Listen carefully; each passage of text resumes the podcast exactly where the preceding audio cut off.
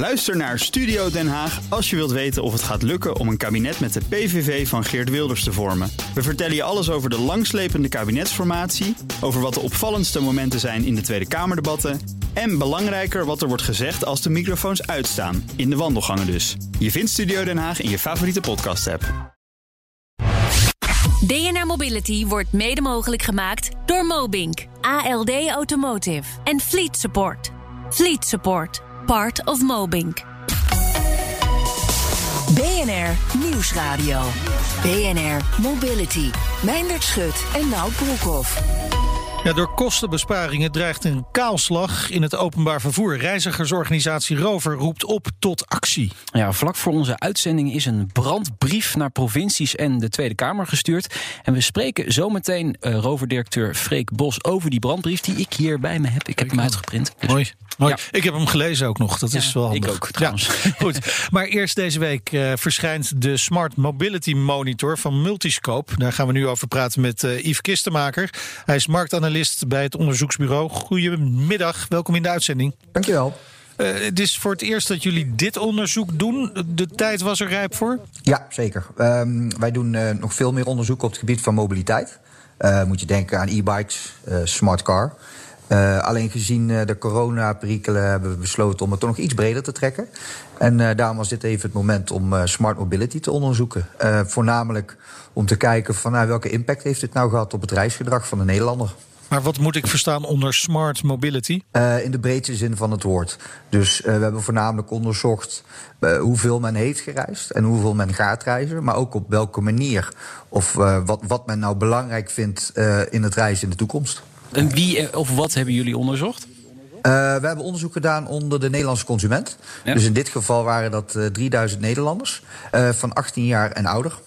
En de monitor omvat 70 pagina's. Dat is eigenlijk een beetje te veel informatie om nu te bespreken. We hebben daarom een selectie gemaakt van vier onderwerpen die we met jou gaan doornemen. Met om te beginnen het overheidsbeleid. Want dat is natuurlijk wel een belangrijke in het mobiliteitsbeleid. Um, wat hebben jullie aan die Nederlanders gevraagd? Uh, nou, we hebben zelf een selectie gemaakt van elf uh, belangrijkste beleidslijnen. En we hebben gevraagd aan de respondenten welke drie men nou het belangrijkste vindt om iets aan te doen voor de komende tien jaar.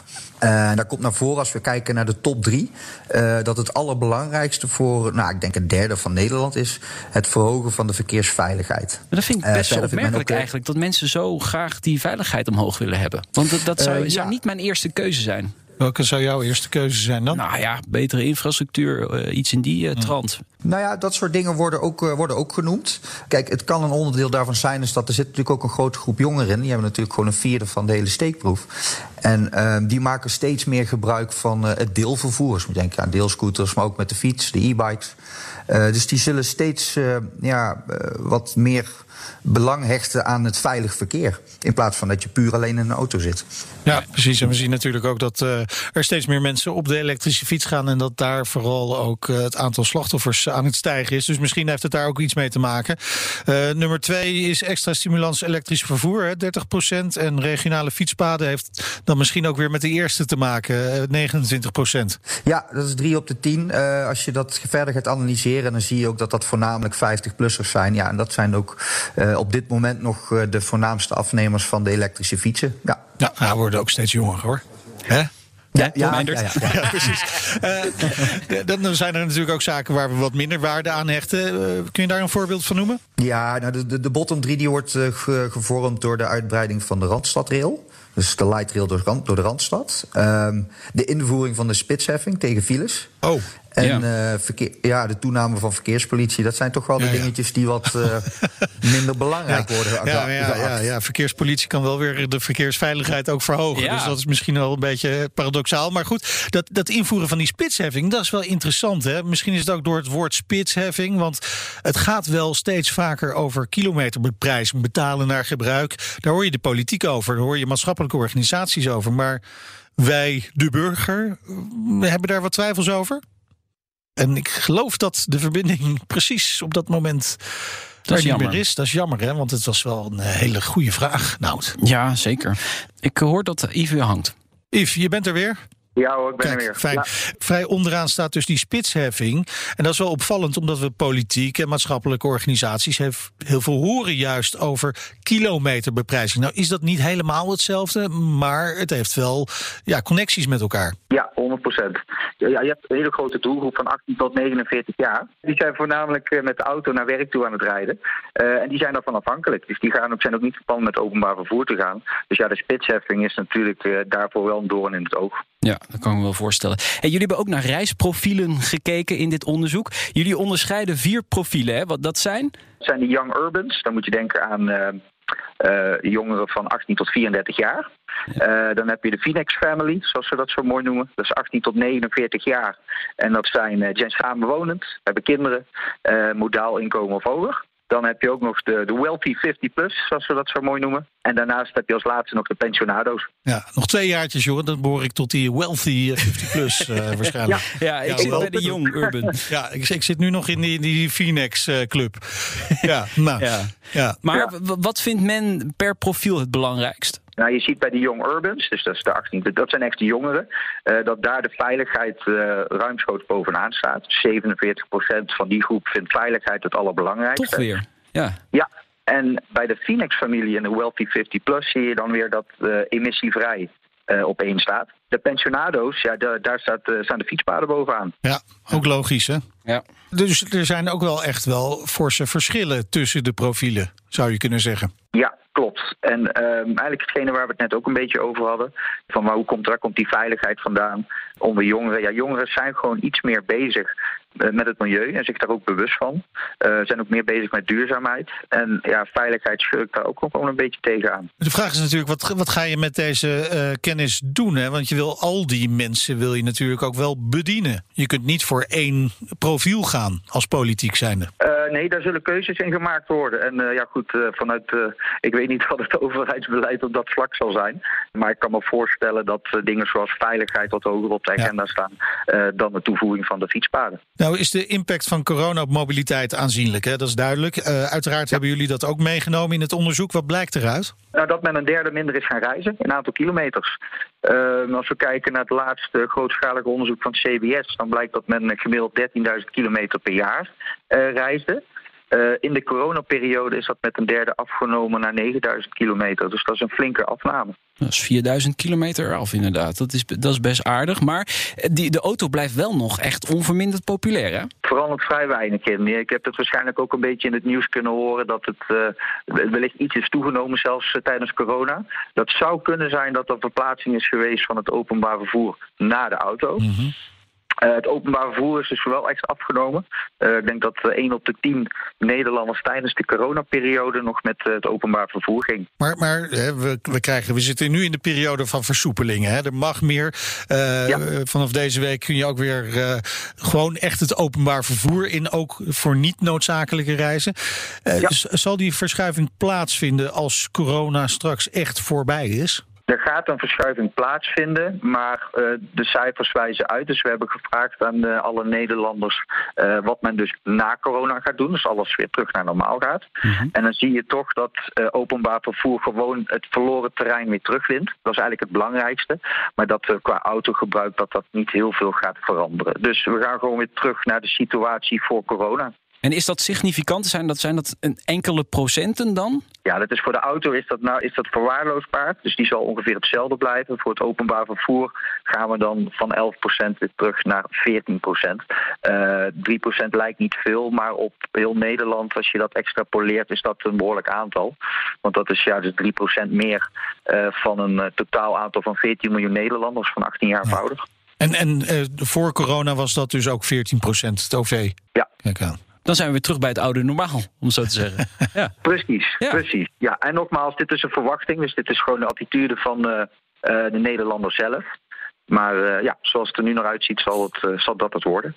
Misschien is het nog leuk om tot slot even een blik in de toekomst te werpen. Waar hebben we qua toekomstige mobiliteitsconcepten het meeste vertrouwen in? Het meeste vertrouwen. Nou, we hebben dit uh, natuurlijk een beetje uitgevraagd voor echt futuristische vervoermiddelen. Ja. Dus dan moet je echt denken over 10 tot 20 jaar uh, vooruit in de tijd. Okay. Uh, we hebben bijvoorbeeld ook gevraagd naar de Hyperloop. het gaat hier echt om een attitude. Hè? Dus niet wat men daadwerkelijk echt gaat doen, maar waar men voor open staat.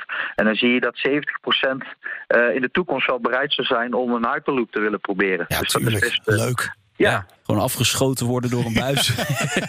dat is wel spannend ja, natuurlijk. En, uh, ja, en hopen dan maar, hè? Ja, dat is... ja, het is heerlijk als je binnen, wat is het, uh, een uurtje in Parijs bent of sneller. Heerlijk, ja, dat is waar, man. Helemaal ja, dat zou fantastisch zijn. Ja, nee, is er nog iets wat we, wat we liever niet meer doen in de toekomst? Ja, nou eigenlijk alles wat uh, door de lucht gaat, daar, staan we niet, daar zijn we niet zo happig op. Hmm. Uh, als je het kijkt, uh, we hebben passigierdrones voorgelegd en jetpacks. Nou, dan heb je één, één Lijkt me ook wel leuk om uit te proberen ja, een keertje. zeker. Ja, 1 op de 10 mensen die durven dat. Althans, dat zeggen ze. Maar dat is alles wat door de lucht gaat, dat is, dat is nog te ver weg. Maar een, een Hyperloop komt er positief uit. Dat ja. is wel bijzonder toch? Dat je wel met 1200 kilometer door een buis Ja. wil afgeschoten worden. Maar in de lucht willen we helemaal niks met drones. Dat zien we niet zo zitten. Nee, dat Mooi. klopt. Dank. De Smart Mobility Monitor die verschijnt in de loop van deze week. Eh, Dank dat je de eerste resultaten met ons wilde delen. Yves Kistenmaker, Ja. marktanalist bij Multiscope. BNR Mobility. Ja, nou, we gaan even naar wat ander mobiliteitsnieuws. Een eh, coalitie van belangenclubs presenteerde vorige week een autobelastingplan. Hebben we ook aandacht aan besteed op deze zender. Andere belangenclubs voelen zich een beetje gepasseerd. Ja, ja, transport en logistiek eh, kwam al gelijk met een kritische reactie. Maar ook de Vereniging Zakelijke Rijders. Die maken onderdeel uit van de Mobiliteitsalliantie. Waar een hoop mobiliteitsbrancheorganisaties onderdeel van uitmaken. En ja, zij zeggen eigenlijk: het is jammer dat eh, dit plan niet door de Mobiliteitsalliantie wordt ondersteund. Maar dat er maar een paar partijen zijn die dit voorstellen. Het gaat natuurlijk vooral over nieuwe auto's in dat plan, hè, in dat autobelastingplan. En dat is eigenlijk maar een klein onderdeel van de volledige mobiliteit, zegt eh, de Vereniging eh, Zakelijke Rijders. Dus zij zeggen het probleem is veel breder dan alleen die nieuwe auto. Dan de mobiliteitssector als geheel krijgt 150 miljoen euro aan overheidssteun. En waarvoor dan? Voor R&D-projecten. Ja, ja, inderdaad, onderzoek en ontwikkeling. Ja, kijk, eh, de omzet in die sectoren staat gewoon be- best wel onder druk. En ja, dan heb je ook minder geld om te investeren in R&D. Het ministerie van Economische Zaken stelt dus die 150 miljoen beschikbaar voor auto, luchtvaart en maritieme sectoren. Om ja, eh, gericht te investeren in die R&D-projecten. En dat is dan ook weer gericht op samenwerking tussen bedrijven in die sector. Ik denk dat dat wel goed is. Het gaat dan onder andere om eh, slim en duurzaam vervoer, eh, hybride of elektrisch vliegen, autonoom varen of rijden op alternatieve brandstoffen zoals waterstof, waar gewoon veel geld in geïnvesteerd moet worden. En wat je niet wil is straks dat daar niet meer in geïnvesteerd wordt en dat bijvoorbeeld de partijen uit China hier naar Europa komen en ons gewoon wegblazen. Dan gaan we naar KLM. Het is niet het meest glorieuze jaar uit de geschiedenis eh, van onze nationale luchtvaartmaatschappij. Maar ze hebben toch iets te vieren. Ja, ze vieren precies vandaag dat ze 100 jaar geleden eh, voor het eerst de lucht ingingen. Eh, De allereerste eh, passagiersvliegtuig eh, vloog vanuit Londen naar Amsterdam. En het toestel was gehuurd en landde hier eh, veilig op Schiphol. Toch een mooie mijlpaal, denk ik. Een jaar eerder werd KLM dus al opgericht, want ze bestonden vorig jaar 120 jaar. Maar een jaar later ging ze pas echt vliegen. BNR Mobility. Reizigersorganisatie Rover maakt zich zorgen over de toekomst van het openbaar vervoer. Daar is zojuist een brandbrief over verstuurd naar de provincies en de Tweede Kamer. Freek Bos is directeur van Rover. Welkom in de uitzending. Je trekt aan de bel vanwege de transitieplannen waarmee provincies en eh, vervoerregio's bezig zijn. Eh nou, jij hebt de brief ook in handen. Hè, Zeker hier? weten. Ja, Ja. ja. Ja, allereerst, waarom worden die, die plannen gemaakt? Nou, het is een eis eigenlijk eh, die gesteld is door het kabinet. Eh, het kabinet heeft eh, flink de portemonnee getrokken om het openbaar vervoer in stand te houden. Want, zegt het eh, kabinet, eh, het, is een vitale sector. We hebben het in Nederland nodig dat mensen op hun werk kunnen komen, dat ze naar school kunnen gaan. En daarvoor moet het openbaar vervoer blijven rijden. Ook als er heel weinig reizigers zijn, omdat ze eh, allemaal de maatregelen opvolgen en veel thuis blijven eh, zitten. Ehm, maar zeggen ze, ja, het is ook een beetje zonde om daar geld in te stoppen en vervolgens niet te kijken wat heb je nodig voor de toekomst. Dus ze hebben gezegd, er moet, als jullie als sector bij ons willen blijven aankloppen, toch ook een, een, een transitieplan worden opgesteld.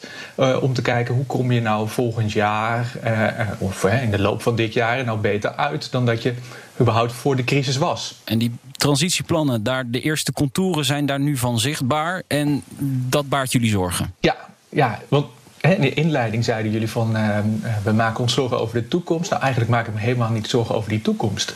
Uh, dat komt wel goed. Ik maak me meer zorgen over wat we nou morgen gaan doen op die korte termijn. Kijk, uh, de vorige expert zei het al. Hè, we komen weer terug met het openbaar vervoer op het niveau waar we waren.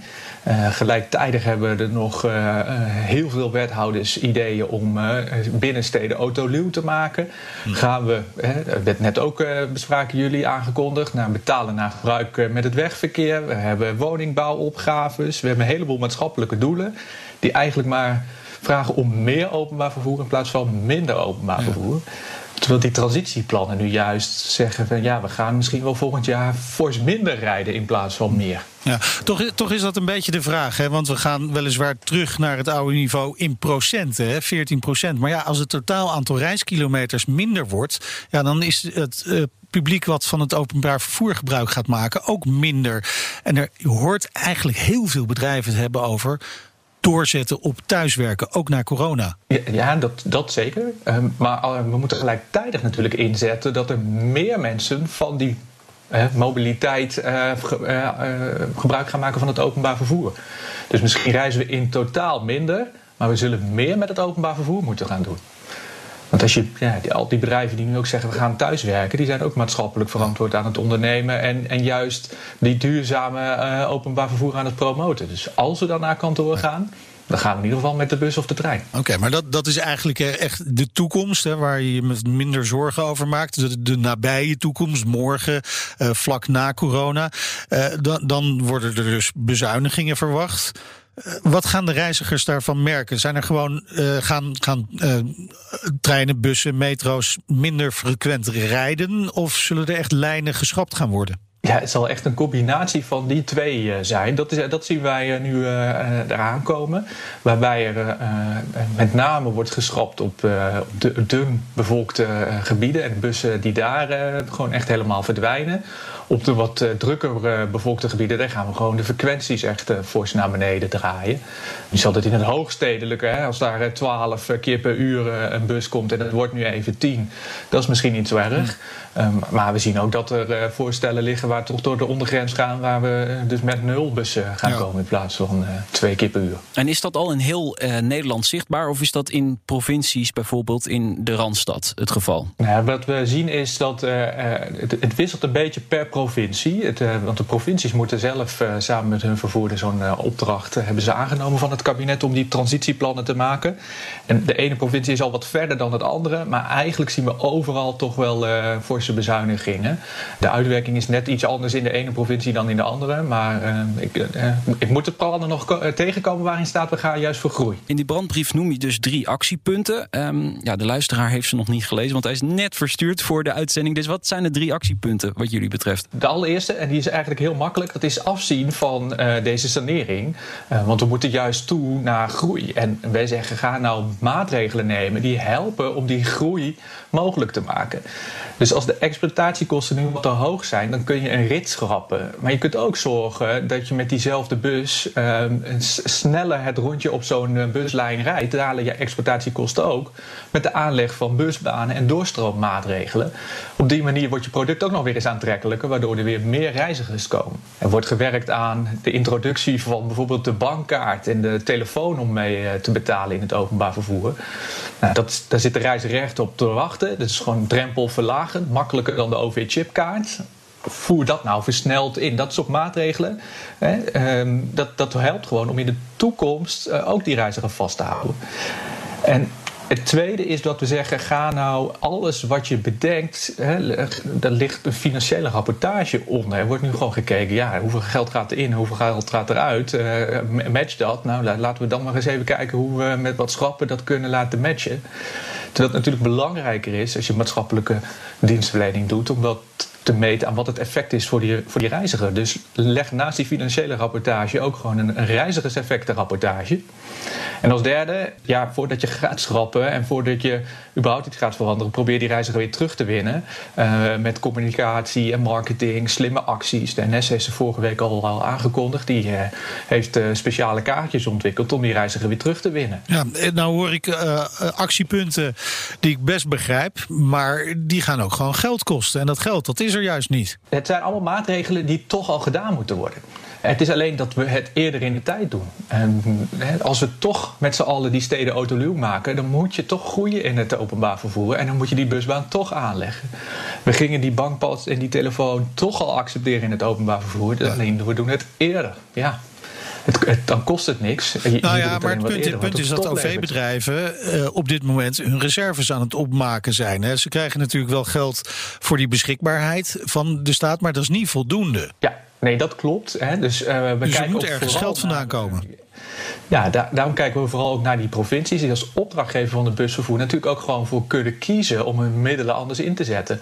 De opcenten kunnen verhoogd worden. En ze hebben ja, maar qua autorijden nog duurder. nou ja, als we dat eh, betalen naar gebruik maken in het nou openbaar vervoer is dat heel normaal. Ja, dat is waar. Dan, ja. dan kun je dat natuurlijk ook gewoon slim regelen. Als we toch meer van het openbaar vervoer gebruik maken, dan heb je dus minder budget nodig voor het onderhoud van wegen ben het ook wel met het eens. Het moet natuurlijk ergens vandaan komen, het geld. Is het, het is natuurlijk ook niet eh, onlogisch dat jullie dat nu doen. Hè? Want er is een formateur aan, uh, aangesteld. Dus is er nog vanuit Den Haag meer geld te krijgen voor het OV? Nou, dat lijkt mij uh, ook. Want in Den Haag hebben we ook natuurlijk het klimaatakkoord afgesloten. Waarin staat dat we 8 miljard zakelijke autokilometers gaan, uh, gaan verminderen. Ik, ik, denk ook dat maatregelen niet altijd geld hoeven te kosten. Hè. Ehm, wat Rijk natuurlijk heel goed kan doen, is uh, met het, het, ministerie van Infrastructuur heeft daar weinig invloed op. Maar het ministerie van Onderwijs kan heel goed afspraken maken met onderwijsinstellingen. Om bijvoorbeeld studenten veel meer over de dag en ook veel meer over de week heen te spreiden. En dan heb je veel minder piekbelasting. Dat levert weer geld op. Bovendien zou je het aanbod van het openbaar vervoer in de daluren weer kunnen hè, kunnen verbeteren.